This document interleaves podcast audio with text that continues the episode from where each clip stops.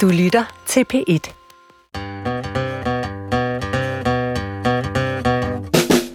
Du lytter til Vildt Naturligt på P1 med Vicky Knudsen.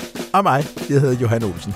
Johan, noget jeg har lagt mærke til under corona, ikke? Ja. det er, hvor nemt det er at finde ud af, om man har dårlig ånd, når man har mundbind på. Ja. Men på den anden side, så husker man jo også alle de der dejlige dufte. Mm. Ikke? Jo. Hvad er din yndlingsduft? Altså, jeg er meget, meget glad for den måde, min kone dufter på. Mm. Jeg kan rigtig godt lide duften af løg. Ej, altså sådan smør og løg i en forening, så ved man bare, at der er god mad på vej, ikke? Okay, ja. Ja, og jeg kan også godt lide duften af tea tree oil. Det kender jeg. Den lugt kender jeg ikke. Den er lidt krasbørstig. Mhm. Mm-hmm. Men jeg tror godt, jeg kan lide den, fordi det er sådan lidt barndomsminde. Og det er lidt det samme med smag. Uanset om det kommer til duft eller smag. Så har vi mange forskellige meninger om det. Okay, de fleste af os synes, blomster dufter godt. Mm. De fleste af os synes måske ikke, lort dufter så godt. Mm. Pointen er også bare, at dufte og smage overalt. Men vi tænker måske ikke så meget over, hvorfor der egentlig er det. Og hvad de kommer af. Derfor har vi været så svineheldige at få lukket øh, Lisbeth Ankersen, kemiker fra konsulentfirmaet Innova Consult, har vi fået lukket i studiet. Og nu kan det jo være, at der sidder nogle lytter derude og tænker, hvad skal en kemiker i studiet? I taler jo om dufte. Og smage. Men Lisbeth Ankersen, velkommen til. Tusind tak. Der er jo, du har jo en, øh, en superkraft, for du er usædvanligt dygtig til at smage og lugte ting. Og det har du faktisk gjort til en karrierevej. Ja, det, det kan man sige. Altså, der er jo sådan lidt superhelte-status over at være supersmager. Ja, Jeg gad godt være supersmager. Det er muligt, du er det. Altså, det er faktisk, nu er det ikke for at pille det ned, men, men det er ikke så usædvanligt, som man skulle tro. Øhm, så, så det er noget talent, kan man sige, når man er supersmager, eller når man, men, men hvis man skal kunne leve af det, mm. så er det mest træning og øve sig og være passioneret og gide og smage på alle mulige ting og være nysgerrig og Ja. tage ud i skoven og smage på vilde planter og mm. lave madeksperimenter, som samtidig går godt og nogle gange går dårligt derhjemme og dufte til sin hunds poter og til sin søns hår og øh, jamen, tage Og til ud og se hår. på verden. Ja, det gør, vi lige hvis man det. er Johan. Daisy. Men hvordan fandt du ud af, at, at hvornår startede din interesse for smage og dufte? Jamen, den har faktisk altid været der. Øh, og jeg, og der øh, tænker jeg, at min mor, hun har jo taget mig med ud i skoven og fundet spiselige vilde planter og nødder og alt muligt. Og min far, han har været sådan en, der dyrkede giftfri grøntsager, inden der var noget, der hed bunderøven og økologi og sådan noget. Mm. Så så var jeg med ham i haven og, og kunne se, hvor maden kom fra. Mm-hmm. Øhm, så der har helt klart noget af interessen kommet fra. Øh, og så, øh, så var det faktisk først langt senere, at jeg fandt ud af, at jeg kunne bruge det til noget fornuftigt. Øh, det her med at være dygtig til at smage, og, Mhm. og, og have taget den her kemikeruddannelse, som jeg har taget. Mm.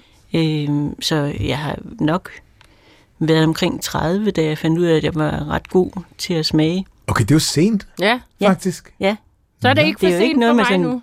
Går og tester øh, til hverdag. Nej, eller tænker over... Jo, altså jeg vil sige, jeg tænker over det, fordi jeg kan sætte mig ind i det der med træning, fordi sådan har jeg det også med, at jeg kigger på fugle og dyr og sådan noget. Jeg kan godt se, at jeg tit bemærker ting, andre ikke bemærker, fordi jeg er meget trænet til at kigge efter mm. alt muligt mærkeligt, ikke?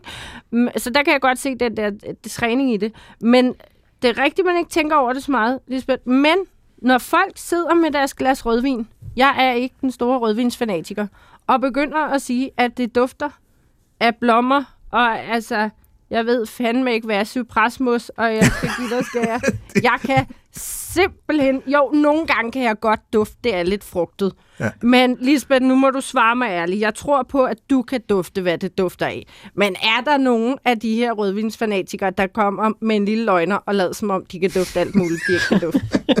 Nu skal jeg passe på, hvad jeg siger, men, men jeg synes, der er et eller andet i vinbranchen, som godt kunne rettes lidt op på. Jeg, jeg, jeg, jeg er jo selv kemiker og kunne godt bruge en masse kemiord. Det gør jeg ikke, når jeg snakker med folk om smag. Nej, Fordi det handler jo om, at vi kan snakke sammen og forstå hinanden. Ja. Øhm, det kan godt være, at jeg kommer til at sige nogle øh, kemiord i dag, fordi Forhåbentlig. for at for, kunne forklare det, øh, og fordi at Johan forhåbentlig vil spørge om sådan noget. ja. Men, men jeg, synes, at det handler om, at vi skal kunne forstå hinanden, og at vi skal inspirere i stedet for at imponere. Mm. Og, og, og så kan man tale det helt ned på jordens sprog, så alle kan forstå, hvad man mener, og, og man ikke sådan puster det op til, uh, det her det er meget fint og Mm. prestigefyldt. Altså, det, det er, der er jeg meget for, at, at vi kan tale lige så meget om et glas mælk, eller en krydderurt, eller øh, hvad som helst, øh, Ja. og ikke kun snakke om smagen på vin. Ja. Og det hele er jo smag og Ja. ja. duft. Der er jo også det problem, at hvis man...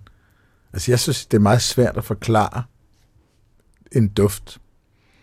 Så kan jeg sige, jeg, jeg kan ikke finde i en kompleks duft, kan jeg ikke sådan decifrerende sige, "Nå, men der er noget halm, og så er der en lille smule regn på asfalt. Og så, altså, det, det kan jeg ikke. Jeg får en samlet duft ind, og så- det lugter dejligt. Det dufter af rødvin. Eller, eller, men det er jo et, synes jeg, altså jeg er ikke alene om det problem. Altså, det er jo lidt ligesom, øh, er det ikke kirkegodt at sige, at, at vi begriber med vores begreber. Og hvis vi ikke vi er så vant til at sætte ord på duft og smag, og ikke har tænkt over så meget om, hvad er det egentlig, det består af, så kan det godt føles sådan lidt uhåndgribeligt. Mm. Hvis man dufter eller smager noget, og man ikke får sat ord på, så er det lidt ligesom, hvis man har drømt en drøm, så er den væk næste morgen. Ja, Hvis man har skrevet den ned, eller snakket med nogle andre om den, Ja. og sat ord på, jamen så, så hænger den lidt bedre fast i hukommelsen ja, øh, dufte og smage er lidt på samme måde. Så hvis vi begynder at sætte ord på, snakker med hinanden om, hvordan smager den her mælk? Gud, har du lagt mærke til, at der er en note af vanilje i mælken, og hvor er den sød, den her sød mælk i forhold til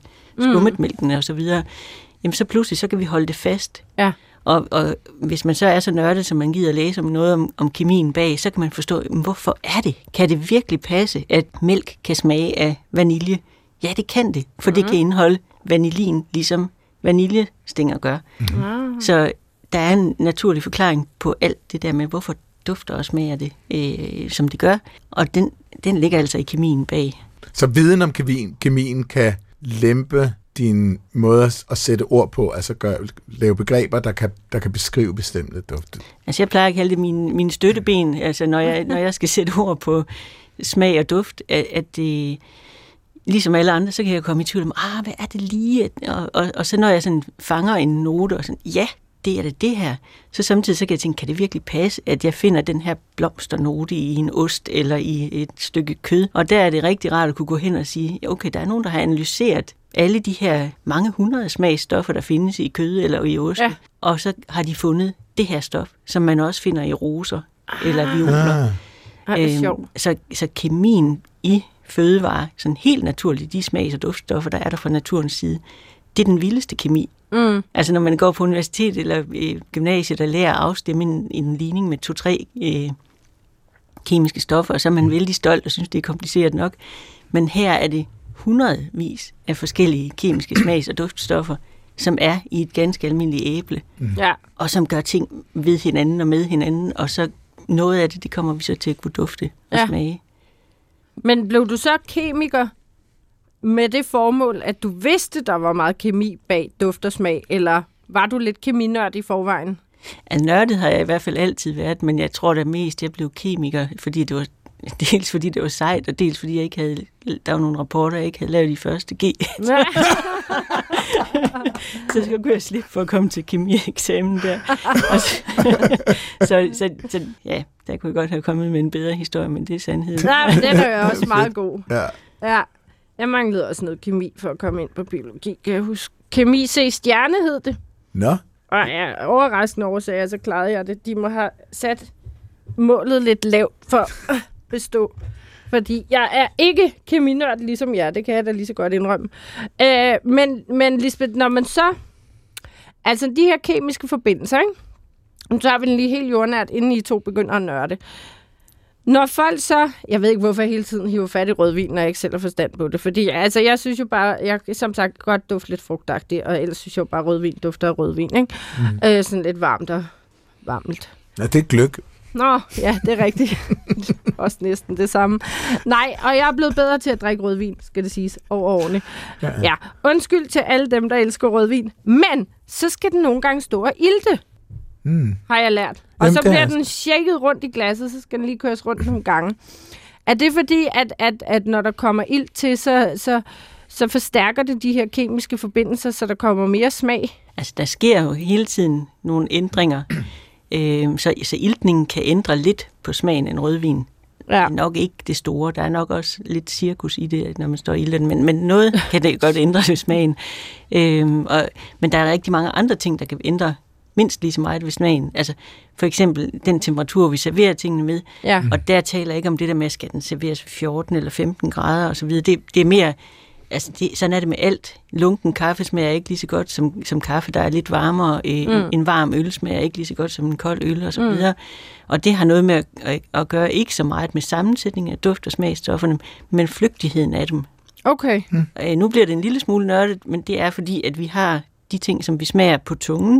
Det er Ja. det, vi kalder grundsmagene. Surt, sødt, bittert, salt, umami. Ja.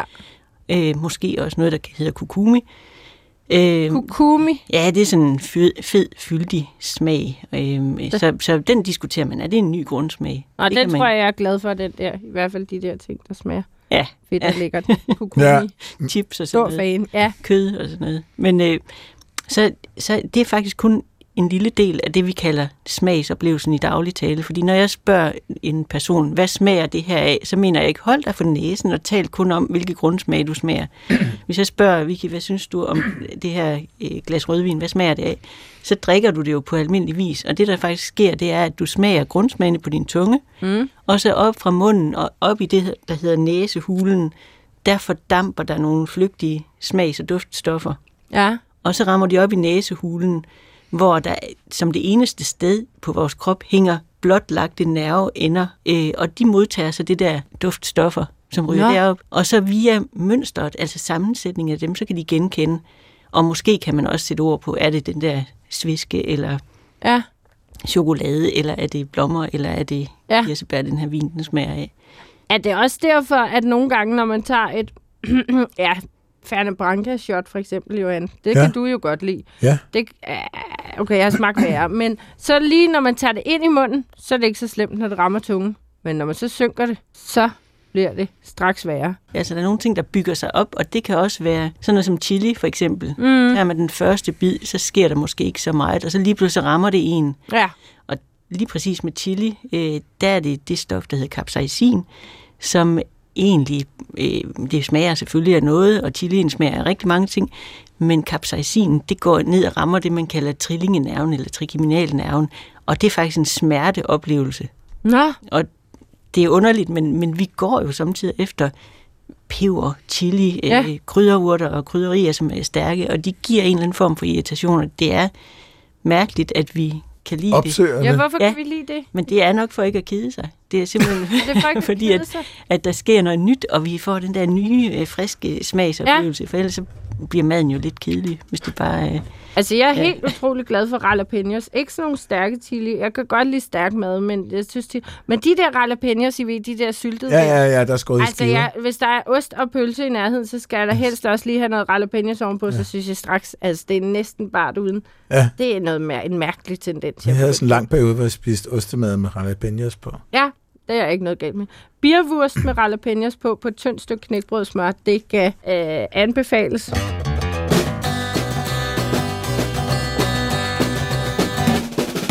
Jeg tænker lige på en ting, at alle de smage, vi har talt om nu, de kommer jo fra organiske systemer. Jeg tænker, hvis vi tog til Mars. Mm. Nu er det bare et, øh, et tankeeksperiment. Tager vi til Mars. Der er, vel ikke, der, der er vel ikke noget, der smager noget der? Altså, der var en, Eller der- lugter noget der? Er der det? Jeg har egentlig interesseret mig lidt for det, fordi at øh, hvis man gør det der tankeeksperiment, at man tog dig ud, og så var der en, der sagde til ham, hvad så lugter der så af månestøv og grøn ost? Ja. Og, og, og ja, det gør der måske i virkeligheden lidt, fordi man har undersøgt, altså hvordan øh, alle grundstofferne og de første molekyler er dannet, og noget er der faktisk dannet ude i rummet. Øh, og der er dannet øh, nogle svovlforbindelser, Nej, det lugter jo. Ja, så det, det er sådan øh, kål og prutter og så videre. Øh, Ja, ja. Og øh, man har også fundet acetone, neglelakfjerner. Ja. Øh, man har fundet eddikesyre. Det kender vi fra Ja. ja. eddike.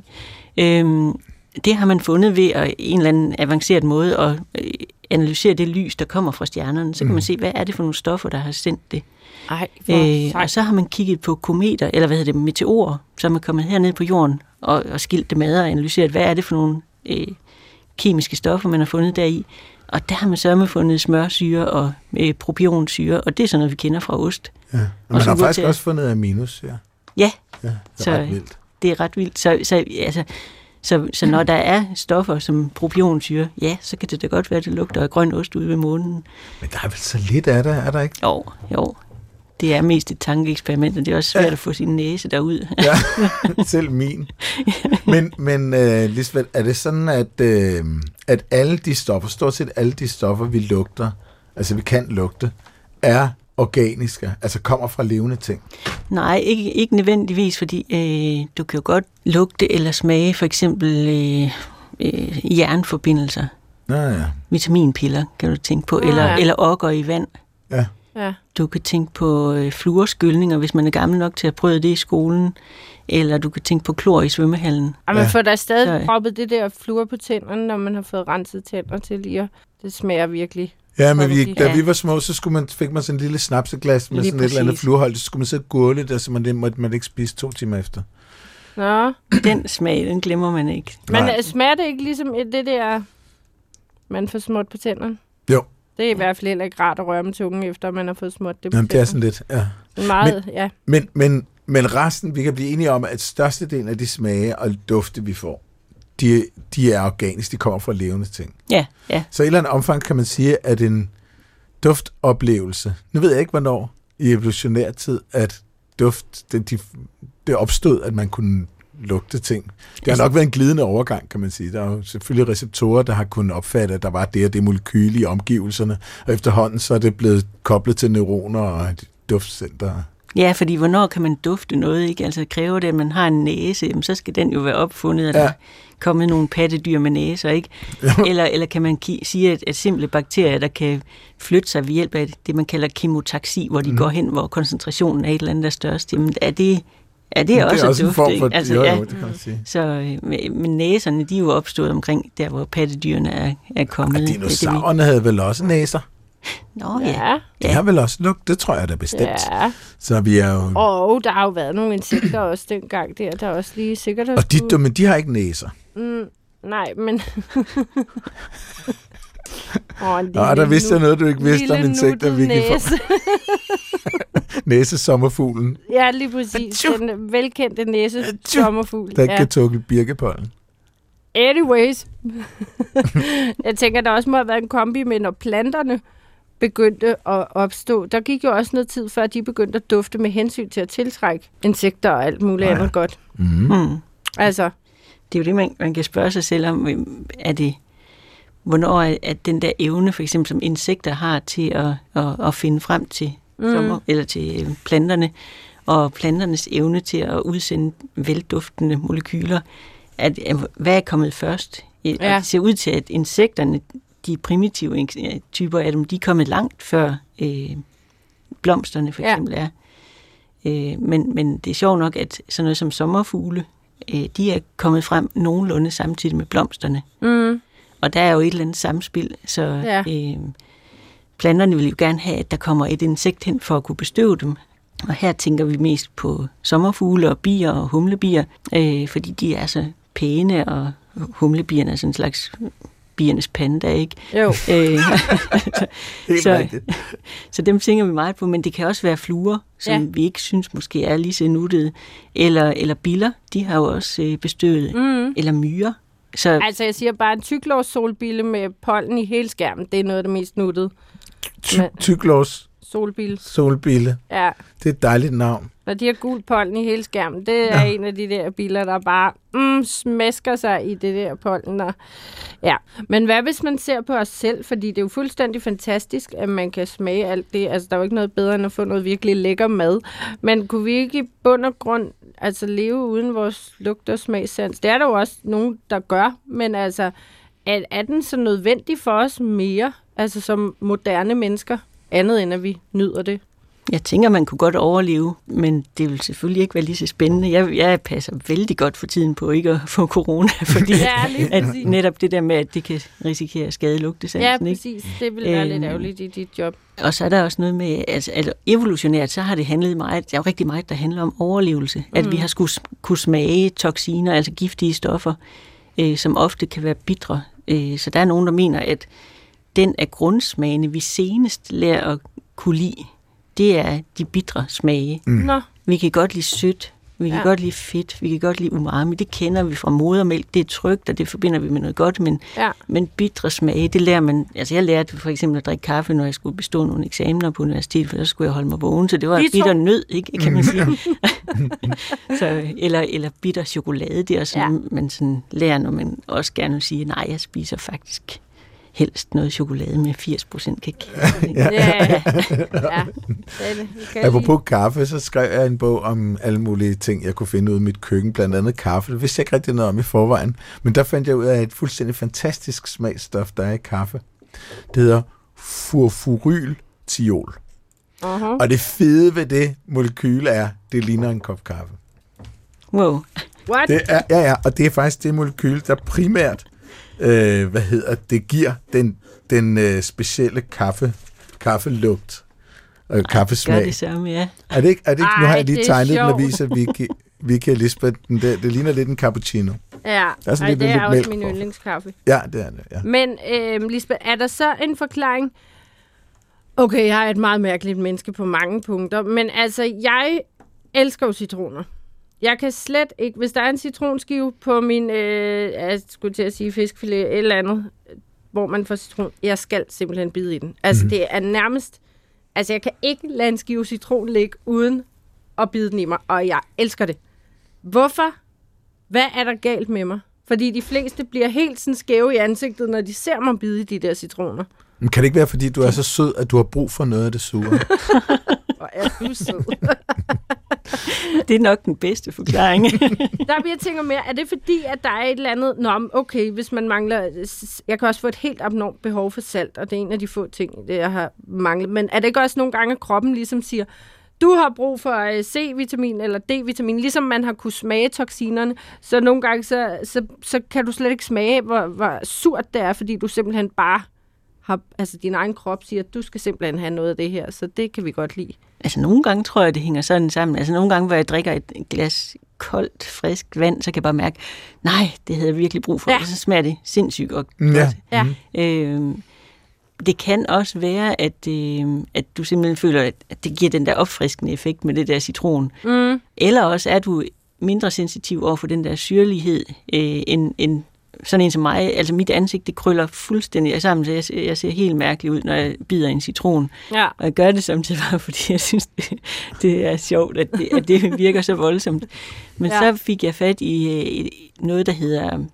Jeg tror ikke, man kan købe det længere, og det blev vist forbudt, men, men der er noget, der hedder et mirakelbær, Nå. som har et stof, der hedder mirakulin. Det er det populære navn. Øh, øhm, Så det der mirakulin, hvis man tykker det et stykke tid, så, øh, så blokerer man de her receptorer for syrlighed. Nå, Uden at Øh, aktivere dem. ja. Vel at mærke. Uden at Det aktivere smager dem. ikke surt. Nej. Mirakel. Så mi- mirakulin, det smager fint. Altså, og, så, og så, når man har tykket det et stykke tid, så kan man simpelthen spise en hel citron, som om den var en mandarin. nej, hvor sjovt. Øh, det har jeg prøvet, og jeg har også fået lukket mine sønner og hans øh, legekammerater til det, da de var små. Nej, hvor sjovt. Det Hvor kommer mirakelbæret fra? Jamen, det er sådan en sydamerikansk bær. Nå, Så, ej, det er Det er, fu- sjovt. ja, det er fuldstændig fantastisk. Og jeg mener faktisk, at grunden til det, at man ikke kan købe det, er, at det ikke har gået igennem sådan de helt gængse sådan, øh, mad, hvad hedder sådan noget, fødevaretests og sådan nogle ting, fordi det er et utroligt perifert produkt, man ikke rigtig kan bruge til så meget. Ja. Men, det, men, men man kan altså godt skaffe det hen på det der internet der. Men Hen på det der internet. Ja, ja, men øh, det er en fantastisk ting. Jeg håber, at de får det kørt igennem, så man kan bruge det, for det, det er jo virkelig morsomt. Men det er jo lidt ligesom, at det er jo netop også pudsigt, hvordan corona netop kan lukke ned for altså alle smagsreceptorerne lige pludselig. Ja. Altså, det nærmest kan blokke for det. Men jeg tænker også nogle gange, der er noget stedighed, fordi apropos mærkeligt, kan jeg også huske, da jeg som barn til arbejde, min mor og far sammen med en, der hed Raffi, og han kunne godt lide at spise rå løg. Mhm. Og som barn spejler man sig jo meget i. Det synes jeg bare var sejt, at han spiste rå løg. Bare spiste dem som et æble. Mhm. Så begyndte jeg også på det, og jeg har nok været 4-5 år. Ja, men det gjorde min øh, ældste også. Han spiste også råløg som lille. Gjorde han det? I, i, I barnestolen. Det Ja. opdagede jeg pludselig, at der lå et løg på bordet. Begyndte bare at spise det. Crunch, crunch. Ikke en... Nej. Altså, der var, du kunne slet ikke se på hans ansigt, han sad og spiste et råt løg. Altså, jeg har vist også tidligere nævnt, at jeg billede en, øh, øh, min fars øh, konjak, hvor han tænkte, det ville jeg nok reagere på, og det gjorde jeg ikke, og der har jeg været endnu mindre. Så vi kan også, Jeg drak også kold kaffe. Det kan være, at smagsreceptorerne først er kommet til mig blevet udviklet utrolig sent, så jeg bare har været sådan et... Eller så de, de, de der advarselsneuroner oppe i hovedet, de har bare givet op på et Det er ikke utroligt gode tidligt gener, jeg tidspunkt. giver videre Det det, var her. nej. Der er ikke noget... Spiser du noget farligt? Jeg ved det ikke. Det smager jeg dejligt. Jeg ikke. kan ikke Det er- smage det.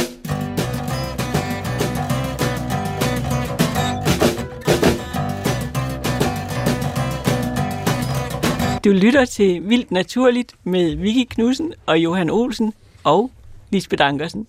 Og Lisbeth Ankersen, du er supersmager og skal fortælle os lidt om smager. Du er også kemiker, så skal fortælle os lidt om, hvad, hvad, hvad smagstoffer er for noget, hvad duftstoffer er for noget. Men er du også lydekspert, Lisbeth? Gud ja. Ja, Det er spørgsmålet. For jeg har som altid taget en lyd med til jer og lytterne. Og i dag er det faktisk en rigtig nem lyd. det er godt. Jeg har jo gættet Ej, de andre er- lyde, du har haft med. Ja, Så- og jeg ved godt, jeg har før sagt, ej, det er en nem lyd i dag. Og så, ej, så kan man stå der og sige, hvad fanden snakker hun om bagefter, når jeg har afsløret, hvad det var for en lyd. Jeg har selv optaget den her lyd. Okay. Ja. Så tror jeg, at det er en bildør, der smækker. Ja, altså vi kan starte med at afspille lyden. Åh oh ja, det er en god idé. Ja, ja. lad os lige prøve at få lyden her.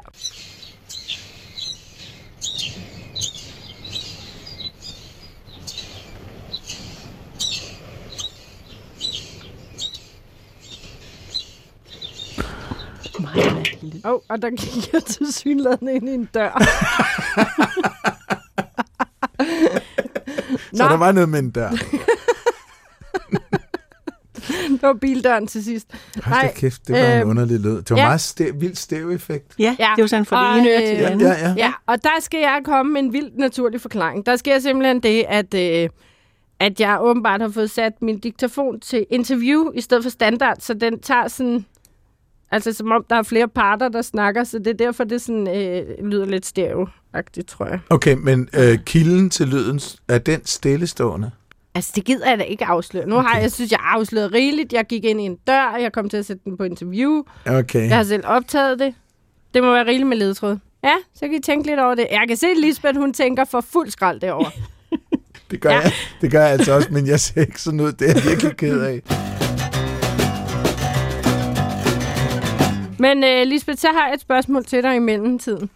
Nu startede vi lige med det her med, at der måske også var noget psykologisk omkring det. Ej, jeg kan godt lide tea tree oil. Måske fordi vi brugte det i barndommen, og så er det bare sådan en hyggelig barndomsminde. Ligesådan, Lisbeth, hvad er det, der sker, når man har været ude at rejse, og de der oliven smagte simpelthen så godt i Spanien?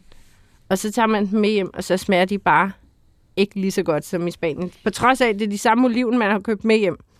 Det, Altså, er der noget med stemning og hygge og gode minder og din grønne øh, trådost, mm. gamleost? Mm. Ja. det er der helt sikkert. Det, altså man kalder det som tid for ret- retina-effekten. Patina?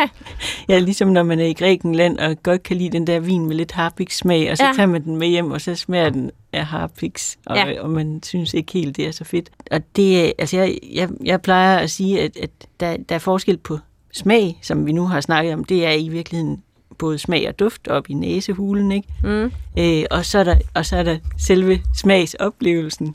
Og smagsoplevelsen, den inkluderer alle sanserne, plus vores tankevirksomhed. Ja. Så, så vi, øh, vi ser et eller andet mad, og hvis, der, øh, hvis det ser flot ud, så er vi allerede, nej, det, det smager sikkert også Ja. godt. Hvis stemningen er god, og vi har hørt noget godt om det her mad, jamen, så påvirker det også vores bedømmelse. Øh, maden skal også gerne have den rigtige lyd. Mm. Hvis man øh, hvad hedder det, bider i et æble, og det siger, puff, så, så tænker man, der er noget galt med det her æble. Ikke? Nå ja. Øh, så lyd og smag og duft og konsistens, og det hele skal gerne øh, være en del af, af hele smagsoplevelsen. Ja. Og hvis det fungerer, jamen, så, så bliver man rigtig glad, og så synes man, nej, det Ej. er virkelig lækkert det her. Det, det, er jo, altså, det er jo en helt virksomhed, eller hvad hedder det, videnskab, det der. Altså, min, min bror også kemiker, Christian, han, han øh, er meget glad for gastrokemi. Han har lavet sådan nogle eksperimenter med sine elever, hvor de spiser bløde chips, Ja. men de har hovedtelefoner på, hvor det knaser, og så opdager de ikke, at de spiser bløde chips. Ej, Så de har en knaselyd, så opdager de det ikke. De skal Ej, sådan hvor udfylde sådan nogle papirer, med, hvordan var det? Var de bløde? Var de knasende? Jamen, det er fint. Alt var fint. Så prøvede de uden ud til at få sådan, nej, de var bløde. Det var lidt ærgerligt. Ja. Og du kommer, hvis de er bløde, så smager de også mindre salt.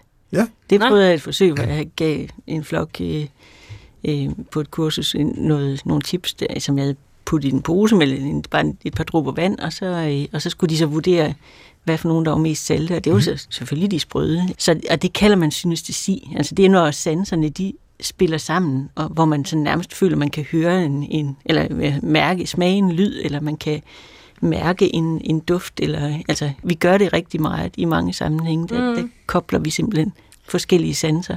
Det er jo helt vildt spændende. Det vil sige, at altså, et, et, en smagsoplevelse er, er rigtig mange ting. Det, man kan ikke bare reducere det til næsen og tungen.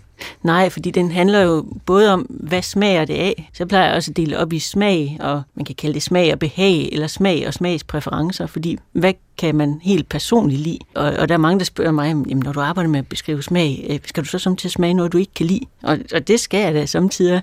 Men, men så slår jeg ligesom den der del af hjernen fra, som handler om, kan jeg lide det, eller kan jeg ikke lide det, og så fokuserer jeg på den der nysgerrighed i hjernen, der handler om, hvad er det, det smager af? Mm. Og så pludselig, så bliver det en fest, også selvom det er noget, jeg som normalt ikke selv ville spise, hvis jeg sad bare og holdt fri. Men, Lisbeth, der må jeg jo så lige spørge, for jeg har jo læst lidt op på lektien. Uh-oh. Surstrømning, Lisbeth, det er jo noget af det værste. Mange, en af mine veninder har i hvert fald smagt det og klaret det uden at brække sig. Øh, men det skulle jo være noget af det værste i hele verden. Ja, det er fælt, det er det. Den har vi prøvet. det må være den tekniske betegnelse. det er fælt. Klarede du den uden at brække dig? Ja, det gjorde jeg. Øh, Og jeg prøvede at gøre det sådan lidt videnskabeligt, for jeg, det var faktisk sådan, i sådan en hyggelig setting. Det var ikke en, en, øh, en professionel smagning, jeg skulle lave. Øh, Men vi var ude i en have, Ja. og der var nogen, der kastede op, og ikke bare sådan lidt høflig, men virkelig sådan i store stråler ud over græsplænen. Så jeg skulle, øh, jeg skulle virkelig koncentrere mig. Så jeg prøvede sådan at tænke, okay, jeg starter lige med at smage på tilbehøret. Så er jeg klar over, hvad er det for noget. Ja, Og så tog jeg en lille, altså det er jo sådan noget med kartofler, og der er noget brød og sådan noget. Nej, okay, jeg troede, slet, jeg troede det var så enkelt, som man ikke serverede tilbehør til. Ja, men, men for ligesom at gøre det mere spiseligt, så Ja. kan man, og så kan man tage en lille bitte, bitte smule, og så kan man koncentrere sig rigtig meget om at flytte sin tankevirksomhed over, over fra det der, kan jeg lide det, eller kan jeg ikke lide det, til hvad smager det af? Ja, Så kunne jeg godt, men, men jeg er ikke kommet dertil, hvor jeg sådan kunne spise en ordentlig lunds af det. nej. Øh, men det smager, øh, jeg vil sige, det smager både af, af 100 gange af ansjos og så lidt rådenskab. Ja. så, så, så det, Ja. ja. er en, det er en voldsom øh, oplevelse. Men det er jo sådan en, hvad skal man sige, en tillært smag. Ja. Og jeg tænker, at det, at, at der er så mange, der kaster op, det er selvfølgelig også påvirket af, at man har hørt, at det er så forfærdeligt. Ja, Ja, man ja, pisker en præcis. stemning. op. Hvad er det egentlig? Surstrømning? Jamen, det er jo sådan en kontrolleret forrådnelse af fisk, eller fermentering kan man også kalde det med en, et pænt ord. Så Ja. ja. vi fermenterer jo rigtig mange ting, og som regel går det godt, når vi taler om frugt og bær og sådan noget. Altså, vin er jo også fermenteret. Der er Ja. ja. faktisk en tredjedel af vores fødevarer, dem vi spiser i, i dagligt, øh, til dagligt, de er fermenteret på en eller anden måde. Ja. Det er bare sjældent, vi fermenterer kød og fisk. Ja. Men når vi gør det, så kan det enten blive rigtig dårligt, eller, eller det kan også blive rigtig godt. Altså sådan noget som salami er jo faktisk også fermenteret. Mm. Mm. Hvor, hvorfor fermenterer vi fødevarer? Jamen det er, øh, det handler meget om det der med, at det skaber så meget smag. Og det der, det der sker, øh, for eksempel, jamen så er kød og sådan noget, det indeholder jo meget protein, og det, er, det er jo sådan lange kæder af aminosyre. Og for at få dem pillet fra hinanden, så vi kan smage de enkelte aminosyre, og også få dannet den der ene aminosyre, som vi kalder glutamin, som giver umami-smagen, mm. som vi godt kan lide, jamen så skal vi have det tilberedt på en eller anden måde. Enten kan vi varme det op, eller så kan vi fermentere det. Så, så det er egentlig en måde at få skabt en forfærdelig masse smagsmolekyler. Så hvis man tænker på sådan noget som korn, det smager ikke så meget, øh, hvis det er bare et, et råt stykke korn. Mm. Men hvis man fermenterer det, så kan man lige pludselig lave øl ud af det, Mm. øh, eller whisky. Øh, og, og så har det jo mange, mange flere typer af smagstoffer, og en meget mere intens smag. Så, så fermentering intensiverer, intensiverer smagen øh, og gør den meget mere kompleks. Jeg har lige en opfølgning til surstrømning, som jeg simpelthen må se, om, om du har svaret på, Lisbeth. Fordi jeg bliver ikke så nemt søsyg til gengæld. Jeg sejler utroligt tit. Men hvis den nu gynger rigtig meget, altså jeg kan godt blive søsyg, men så hvis folk begynder at kaste op, den der duft af søsygebræk, det dufter ikke bare, eller det, nu er vi ude lugter, det lugter ikke af bræk, det lugter på en helt speciel måde. Og når jeg kan lugte den der søsygebræk, og lige meget hvad folk har spist, jeg ved ikke, hvad der er ved farver, det lugter på en helt speciel måde, så begynder jeg at få mundvand. Altså, så bliver jeg selv søsyg, når jeg kan lugte det her mm. øh, øh, opkast fra søsyg. Ved du, hvad det er, der foregår der? Altså, jeg kan næsten mærke det i munden. ja, det. Mundvandet, der kommer. og det er sådan lidt metallisk, når det er lige før, det går galt, ikke? Au. Men, men, øh, men nej, der, der må jeg sige, der, det er vi ramt uden for mit kompetencefelt. Lige søsygebræk, det, det ved jeg simpelthen ikke, hvorfor det Men du er så vidste, fedt. hvad jeg mente. Ja, det gør jeg.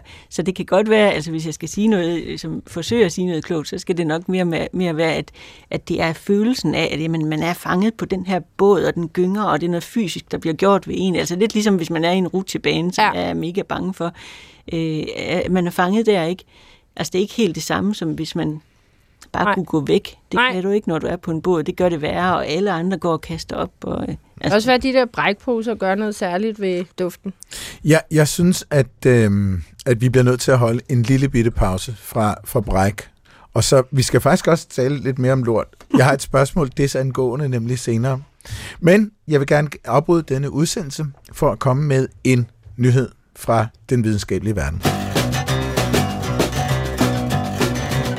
Forskere har lavet det, der kaldes et kvalificeret gæt på, hvor mange individer af dinosaurus-rovdyret Tyrannosaurus rex, som har eksisteret i hele jordens historie. Altså det er da alligevel et spørgsmål at stille. Hvor mange Tyrannosaurus rex har der nogensinde gået på jorden? Så simpelthen så, okay, så bliver der lavet en række overslag, og så simpelthen dyrets størrelse og fødevaner gør, at, at de her forskere vurderer, at der har været plads til et enkelt individ per 100 kvadratkilometer. Mm. Så mener man, at dyret levede i de områder, vi i dag kalder Nordamerika. Det er det eneste sted, man har fundet fossiler fra dem. Så der har så været plads til, har man så regnet ud, cirka 20.000 individer ad gangen. Forskerne vurderer endvidere, at en Tyrannosaurus rex gennemsnitligt blev små 30 år gammel. Og det var også pænt. Ja. Vurderingen er, at arten har eksisteret gennem cirka 3 millioner år. Det kan man se på fossiltingene, og det kan selvfølgelig nå at ændre sig, men det er det, vi regner med nu.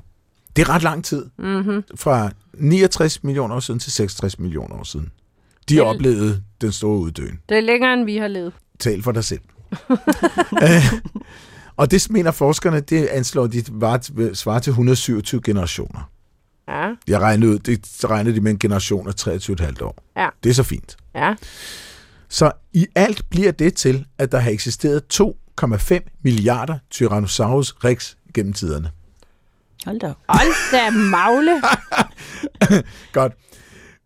Så tænker jeg lidt videre, ikke? at mennesket har været her i små 350.000 år, og vi er oppe på 7,8 milliarder. Ja, det, er, det siger jo Er lidt. vi oppe på nu? Samt, altså, Ja. det, det er det, hvad der er lige nu. Ja. Øh, hvor Tyrannosaurus så ifølge det her overslag kommer op på 20.000 øh, samtidige individer. Men vores fødeindtag er jo nok også lidt mindre end Tyrannosaurus rex, kan man mm. sige. Og vi bliver en del ældre, mm-hmm. og vi kræver ikke noget særligt territorie, og vi kan spise stort set alt organisk materiale undtagen træ, og vi kan leve i alle klimazoner, har ingen naturlige fjender andre end os selv, og har opfundet øh, tandbørsten. Og det hjælper jo altså også en del på det. Og den her- fermenteringen. Den her, og vi har også opfundet fermentering. Ellers ingen yoghurt. Men det her med at skulle give et estimat af antallet af Tyrannosaurus rex, der nogensinde har levet på jorden, det kaldes et Fermi-problem. Og det er derfor lidt, jeg har nyheden med, for jeg synes, det er så sjovt med Fermi-problemer. Fermi-problemer, det, det berømteste eksempel er, hvor mange klaverstemmer findes der i Chicago. Så det er, der ikke, det er der ikke nødvendigvis nogen, der ved. Det kan være, at de har en lille forening, hvor de har en idé selv. Men, men Fermi skulle efter sine have givet det her spørgsmål til nogle studerende, så hvor mange, så har de sagt, det ved vi jo ikke noget om. Så sagde de, så må I komme med et estimat. Så, hvor mange, så kan man sige, Chicago, hvor mange klaverer er der mod i Chicago? Så laver du op i dit hoved et estimat af det. Hvor mange af dem bliver stemt af en klaver? Så det bla bla bla, så man kører videre der. Og så kan man faktisk lave nogle ret præcise estimater, fordi at man nogle gange vurderer for meget, og nogle gange vurderer for lidt, og hvis der er nok parametre, så ender man ret ofte på noget, der ikke er sådan helt fuldstændig galt. De tilnærmelser og mellemregninger, man foretager undervejs, de vil være så øh, typisk være ret upræcise, men i gennemsnit så udligner de i hvert fald i et eller andet omfang hinanden og ender med noget, der er tæt på virkeligheden. Man skal selvfølgelig vide noget om det, man går i gang med at lave et overslag om. Jeg synes bare, det er sjovt. Men det Der- minder også om det der eksperiment. Jeg, altså, jeg har læst et eller andet sted, at hvis man har sådan en kæmpe beholder med en masse plastikkugler eller et eller andet, og så skal folk gætte, hvor mange. Ja. er der i, Ja. så, så vil de fleste jo skyde forkert. Men, men gennemsnittet vil være tæt på sandheden, Yes. ikke? Ja. Ja, Er det rigtigt? hvis, man, det hvis, man, hvis der ikke er et optisk bedrag eller sådan et eller andet, Ja. hvis det er sådan rimelig clear cut, så er gennemsnittet som regel ret præcist. ja. Øhm, det var en meget lang og skøn og kort nyhed. Så jeg vil gøre det meget kort med min korte nyhed. Johan, vi har jo begge to fundet sø, lilje, fossiler. Eller jeg har i hvert fald. Ja, det har ja, du altså det også. har jeg også. Ja, Ja, jeg har det dem liggende ligner- hjemme på køkkenbordet. Ja, og søliljer er jo faktisk en form for dyr, og ikke øh, liljer. Det er som de, ting, er Ja, lige det? præcis. Det er jo ikke liljer, som de liljer, vi kender. Nej. Og når man finder fossilerne, så tit sådan øh, øh, lavdelte. Ja. Altså de her stængler, så er der Ja. ja. sådan duk, duk, duk, duk hele vejen. Meget flotte. Ja. Og sølvliljerne var meget udbredte øh, en gang på jord. Ja. Under vand. For 300 millioner år siden, der var der endnu ikke dinosaurer, og det var ligesom havet, der var domineret af de her virveløse dyr. De var ikke sådan rigtig i fuld gang med at gå på land. Så der var jo netop søstjerner og søanemoner og søliljer og, og blæksprutter og altså alle mulige sjove ting, der ikke Mm. eksisterer mere. Og koraller. Og nogle af de her små koraller, de hængte sig på andre dyr, såsom søanemoner og søliljer. Så de boede altså på større dyr for at få adgang til føde. Så nogle Ah. bitte små koraller. Yes, ligesom ja. ruer. Ja, lige ja. præcis. Og det stoppede så for 273 millioner år siden, da mange af sølvliljerne uddøde Nå. eller døde. Men nu har forskerne fundet sølvliljer med koraller boende på sig i levende liv i havet ude for Japans kyst. Nej, Og det er med stor glæde, oplyser Jakob Winter, der er paleontolog og forsker i fortidens dyreliv ved University of Bristol. Og det vil jo sige, at vi har jo tit og ofte snakket om sølvfisken. Det er levende fossil, ikke? Og Ja. gobler, levende fossiler. Nu har vi altså også de her små koraller. Man har bare troet, de var uddøde hvor er det fint. i det er da en 273 fantastisk millioner nyhed. år. Og man har fundet ud af, at de her sølvliljer, de, at dem, der overlevede, de blev bedre og bedre til at tilpasse sig og leve på dybere vand. Mhm. Fordi der var for stor konkurrence på det lavere vand. Ja. Så det er altså langt nede i dybet, man har fundet de her Hvor er det spændende. med, med, med også, fordi, på. så kan man jo kigge på øh, for, de der forsteninger, man har, og så se, om man har tolket dem rigtigt. Ikke? Jo. Det er jo en ret fin kontrol. Så det er, jamen jeg vil gøre det kort og bare sige det. Jeg synes, det var en fantastisk god øh, kort nyhed. Det synes virkelig, jeg også. virkelig, virkelig, virkelig sådan en, som, altså man hører så meget om biodiversiteten og alt muligt, så er det da rart, der lige Woo! pludselig kommer en art, art Ja. og hilser på os, som er 300 millioner år gammel. Og det er alligevel lang tid, vi har undersøgt, hvad der lever i havet og hvad Ja. der lever på land. Og det der med, at vi kan blive ved med at finde ting, vi ikke... Altså prøv at tænke, hvad der er derude, vi stadig ikke har opdaget. Ja. Tilbage til dig, Lisbeth Ankersen. Vi taler om smag og duft. Jeg kunne godt tænke mig at høre dig om ting. Nu har vi lige talt om, jeg har været inde og vende bræk og surstrømming. og øh, øh, så har jeg haft jeg har stødt på en dol. Jeg har en yndlings aminosyre, der hedder tryptofan, og dens funktionelle gruppe, eller sidegruppe, øh, af en indolgruppe, som er sådan en sekskantet ring og en femkantet ring. Og øh, indol er interessant, fordi det er en, en vigtig del af den sådan kendetegnende lugt af lort. Hmm. Men hvis den findes i meget lave koncentrationer, øh, så kan den dufte dejligt af blomster. Der er faktisk blomster, der laver den, og man bruger den også lidt i parfume. I enormt små mængder, så dufter det godt. Men det fik mig til at tænke på, er det sådan som regel, at molekyler, der minder om hinanden i struktur, de har en fælles smag? Det kan man ikke være helt sikker på. Altså, der er nogle systemer, man kan sige, at øh, æsterne, de er typisk øh, frugtige, men de kan Okay. også godt være blomsteragtige, og de kan også godt være øh, alle mulige andre ting. Og man kan sige, at øh, laktonerne, det kan man næsten høre. Lacto, det er et eller andet med noget mælk, og de Mm. har lidt, lidt fedme eller cremethed i sig. Øh, så, så nogle gange, så kan man godt næsten høre det eller se det ud fra molekylet, hvordan det vil smage. Men der er så stor variation, så man kan aldrig være helt sikker. Nej. Men Indol er en af de øh, ret velundersøgte, og er også en af mine favoritter, fordi at det er så underligt, øh, det her med, at øh, altså jasmin, hvor den ganske almindelige jasminplante, vi have i haven, ikke, den indeholder op til 10% Indol. Og den, og, og den, lugter ikke af lort. lugter ikke af lort. Nej, Nej. den lugter af blomster, og den lugter fantastisk. faktisk forskelligt om dagen, eller dufter forskelligt om dagen og om natten. Fordi den kan både tiltrække øh, dagsommerfugle om dagen, og sådan, men den er særlig god til at tiltrække, Wow. tiltrække natsommerfugle. En, en lugtkameleon. Ja, altså Nej, der, der, den skifter simpelthen øh, duftsammensætning. Så øh, den er rigtig dygtig til det der. Øh, og den hører til det, vi kalder med et engelsk udtryk white flowers, og det, er jo fordi, det er en hvid blomst.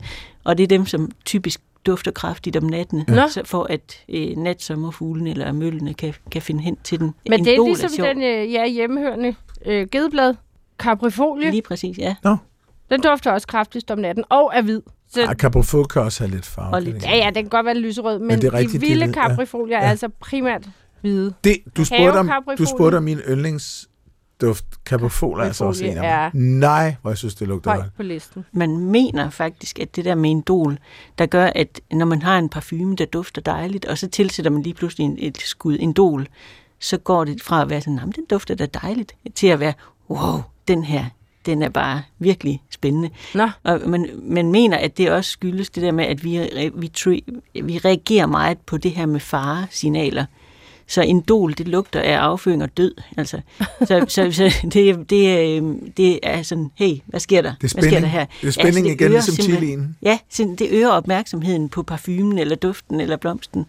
Så, øh, så det kan være en forklaring på, at vi godt kan lide en Men måske også lidt, at man får noget, at der kommer noget kropsligt, noget menneskeligt ind i det, så det ikke, altså, det er der, altså det er der jo også nogen, der, der siger, at grunden til, at, at vi nogle gange, øh, eller nogle mennesker i hvert fald, har det der næsten passionerede forhold til ost, at åh, jeg må bare have ost, mm. ikke?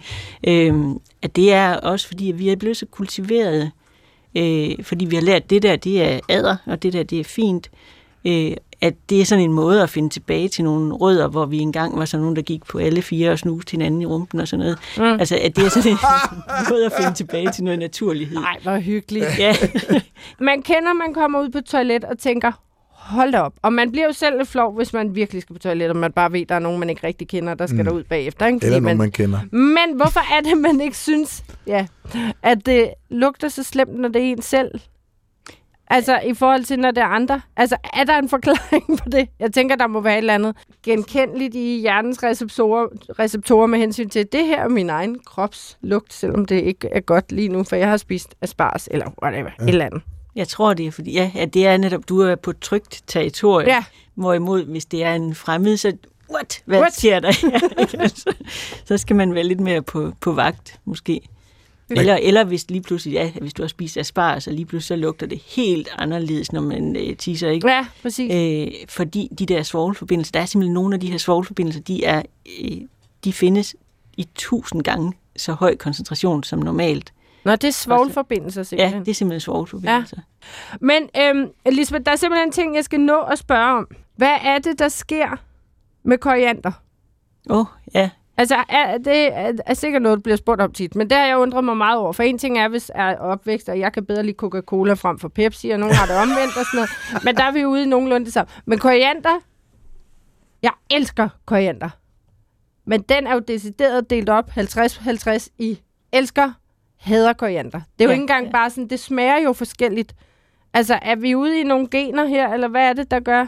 Det, det er en kombination. Øh, altså koriander øh, indeholder et, et stof, der kan smage sådan lidt sæbeagtigt. Ja, Og øh, øh, sådan er der nogen, der vil definere det, og nogen vil bare sige, nej, det smager af koriander, det Mm. smager godt. Ikke? jo. Øh, jeg kan godt smage, at der er noget, som, som man kan forbinde med sæbe eller rengøringsmiddel eller sådan noget, men jeg synes også, at det smager godt, fordi Ja. jeg synes, det er en spændende smag. Altså nu taler vi om den friske øh, krydderurte Ja. ja. koriander, fordi de tørrede frø, de smager helt anderledes. Øh, de er mere metalliske og citrus og så videre, øh, hvor der er en masse af grønne nuancer, og så er der den der lidt, øh, ja, en lille smule rengørings- eller sæbeagtige, øh, friske, øh, også lidt metalliske smag i koriander krydderurten.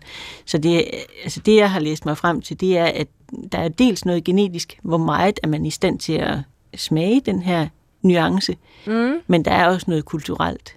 Ja, okay. Fordi der er langt flere i Asien, der synes, den smager da bare godt, Ja, end der for eksempel er her i Danmark, hvor Ah, vi ja. ikke er så vant til den. Så der Hvis er du også har noget fået den, tillært. siden du var lille. Så. ja ligesom bare- din ja, ost ja, daglig- ja, gamle osten, hvis ja. man er nordmand frem for. Men øh, nu, nu kom Vicky lige til at nævne det der med, at man skal kunne... de der, den der evige konkurrence, som lytterne sikkert også har været ud. Enten blindsmagning af cola og Pepsi, eller af Carlsberg Tuborg, som jo er de danske sådan store ølmærker fra da vi var unge og sådan ting. Har, har, du, har du prøvet at skulle smage forskel på de her ting? Ja, jeg har øh, cola har jeg prøvet, Okay. og det kunne godt lade sig gøre. Ja. Altså, og det, altså, de gange, hvor jeg har været med til sådan, der har de fleste godt kunne, Ja. kunne smage forskel egentlig. Og jeg har vist også... Nej, jeg tror, det var ikke en blindsmagning. Der måtte jeg godt vide, hvad det var, men det var øl, og jamen, jeg har jo smagt alt. Ja, alt du har jo smagt det. Hvis du nu i professionel henseende er tvivl om, hvad er det, hvad er det jeg smager her, hvad er sådan noget, så, så, øh, så synes jeg, at jeg så det til You dig, hvor du fortæller, at du har et bibliotek af grunddufte. Ja. Er, det, er det korrekt? Altså, jeg har en masse, Forstået. masse små flasker. Jeg, ved ikke, jeg har måske 600 i alt. Okay. Øh, der, op, der findes nogen, der... Altså, sådan, øh, nogle af de store parfume- og duftfirmaer, de, øh, de har mange flere. Okay. Øh, altså, når jeg kommer ind i et af deres laboratorier, så har jeg det som om jeg var et barn i en slikbutik. Jeg skulle lige til at sige, at lytteren burde kunne se Lisbeths ansigtsudtryk, udstråling og gestikulering lige nu, for den her. De har mange flasker i forhold til mig. Ja, Ja, men det er, det er fantastisk at Ja. Det- Så jeg har kun 600 cirka, men det er også dejligt. så altså, det lyder af en chat, hvis jeg skal være helt Men ærlig. hvordan bruger du dem? Fordi jeg var så lidt, hvordan bruger du dem? Ja. Altså, jeg, jeg, jeg bruger dem faktisk ikke så meget, som man skulle tro. Fordi det er altid bedre at gå ud i naturen og smage på et æble, eller dufte til en øh, regnfang, som... Oh, jeg måtte ikke flytte mig fra mikrofonen, men for eksempel sådan en, en, en plante, som man kan finde i naturen. Nu kaster jeg ind over til Vicky. Regnfangen, Johan. Jeg kan Åh. Den kender du godt. Du får også en. Ej, Jamen, den er ikke fantastisk, og man kan ikke spise den, skal jeg lige huske at sige, men den dufter bare så fint. med mindre man er en regnfangbladbille. Ja, Som er meget sjældent. eller man er Nu en orm, på. der skal dø. Nej, jeg gør ikke. Det står i din bog. Altså, man har jo brugt Ej, den som dejligt. i gamle dage, så, Ja. ja. så, så, fordi den øh, kan noget, ikke? Nå. Men den dufter jo fantastisk. Ja, den dufter, jamen, den dufter bare af en, øh, skøn natur. Ja. Kan... Ej, det dufter virkelig godt. Hvad er det, der dufter? Ja, men der er alle mulige gode ting i den. Altså, der er både noget, noget citrus, og der er noget øh, fyrenåle, duft, og der Nå er ja. alle mulige stoffer i. Altså, Mm. mm. typisk vil der være omkring, øh, selvfølgelig også efter, hvor godt det er undersøgt, jamen, så vil der være fra 50 til 900 forskellige smags- og duftstoffer i en hvilken som helst fødevare. Er det rigtigt? Plante. Ja, det er helt... Ej. Jamen, regnfang er... Mm, altså, jeg ved også... Men, ej, altså, hvor du også er, blevet, er du også så blevet sådan lidt inspireret til at gå og sanke? Altså, Ja, ja, er det så har jeg altid og gjort, ja. Ej, se mig, jeg plukker min egen ramsløg. Se mig, nu står jeg med et skovløg. Nej, det kan raller. Jeg ved ikke, hvorfor jeg har den her stemme på. Men, øh, Altså, det altså, jeg har lige været ude og plukke enorme mængder ramsløg og lavet ramsløg pesto. ja. Det ser ramsløg smør kan jeg også anbefale. smager det godt, mand. Det smager fantastisk. Og det er jo også, altså jeg, jeg har en tradition hvert år, jeg tager ud og plukker ramsløg, det har jeg gjort i 30 år efterhånden. Ja. Og så, så laver jeg pesto, og så spiser jeg så meget, så, så man bliver sådan helt tør i, i munden, ikke? Og så vågner jeg op og har ondt i maven, fordi jeg har spist for meget af det. Og så vågner jeg op, og så står jeg op, og så spiser jeg resten, hvis der er noget tilbage. Ja, ja. Hvert år sker det. Iskoldt, iskoldt. Jeg skal bare have mere af det. Det har været en kæmpe fornøjelse, Lisbeth, men tiden, den løber, og jeg har stadig ikke spurgt dig, hvad din yndlingssmag og duft er. Og jeg tror, det var lyden, vi skulle snakke. Jamen, den kommer lige bagefter. Altså, tiden Åh. render ud, så...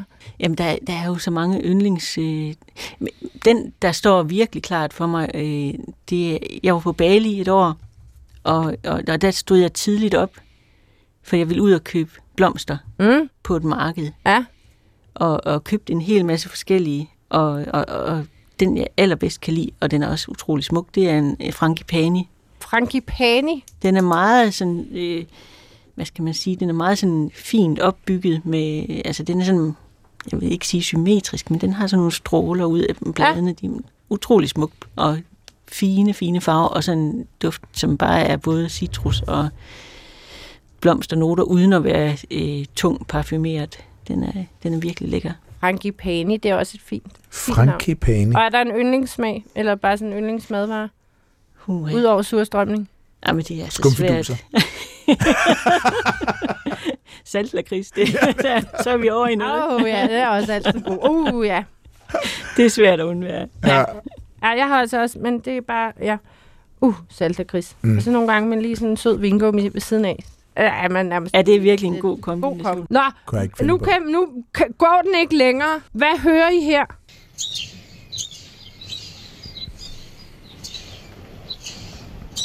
Ja. Så skal jeg bede om jeres svar. Altså, jeg tænker noget med nogle fugle. Mm. Skal jeg mere specifikt bud, Lisbeth? Nå, jo så ikke- det var et ja. Der Det er fik jeg lige det. lidt hjælp, for jeg var ved at sige flagermus, men det vil jeg da ikke sige. Jeg har ikke sagt, det var fugle. Jo, jo, Jeg du sagde, bare vi skal være mere specifik. Mm-hmm. Jeg har altid bedt om mere specifikke bud, Johan. Det er er en ordentlig gang digesvaler. Ja, det kunne det godt være. Ja. Ja. Men så går du ind i en dør, ikke? Godt tænkt. Godt, det er Godt tænkt. rent Sherlock Holmes nu. Ja, ja. Går jeg ind i en dør? Det gør man sjældent, når man står og ser på digesvaler. Ja, det har jeg ikke prøvet. Nej, ja. der kan jo godt stå et lille skur nede på stranden eller sådan. Men det er jo ikke måger. Nej, Altså- det er det ikke. Det er ikke... Ej, skal jeg sige det? Ja, tak. Det er hjemme hos min mor, at det her er optaget. Nå, så det er salamander? Det er ikke salamandrene, og det er heller ikke i selve huset, men ved siden af huset ligger der sådan en, en ja, tilbygning. Altså, det er ikke det er mest sådan opbevaringsrum og sådan noget, men øh, det har nok fungeret som noget andet, fordi der er en skorsten. Og i den skorsten yngler der alliger. Det er små alligeunger, I kan høre tigger om mad. Nej, hvor Ja, fint. hvor nullet. Nå. Ja, og så er der en dør. Men altså, i alliger og, kan man sige, digesvaler har jo meget til fælles. Det For er eksempel to, fjer og vinger. to arter af Og- fugle. Ja, Ja. og næb har de også. Præcis. Lisbeth Ankersen, supersmager, kemiker og super dufter. Fra Innova Consult. Tusind tak for besøget. Det var enormt spændende. Tak. Meget lærerigt. Og utroligt mange tak for, at du tog turen hele vejen fra Aarhus til Og tak studie. fordi du bekræftede, at vingummi og saltlakrids er en utrolig god kombi. Det var en fornøjelse. Det er slut på Vildt Naturligt. Øh, dine værter i dag var, Johan Olsen! og den strålende stjerne på radiohimlen, Vicky Knudsen.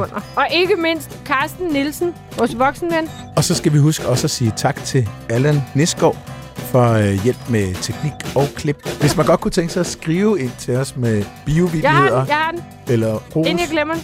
Vildt naturligt det er rigtigt. snablag dr.dk. Og Hvis man vil hører vores udsendelser, igen så kan man høre dem, lige der hvor man plejer. at høre sin podcast. Juhu! Yes!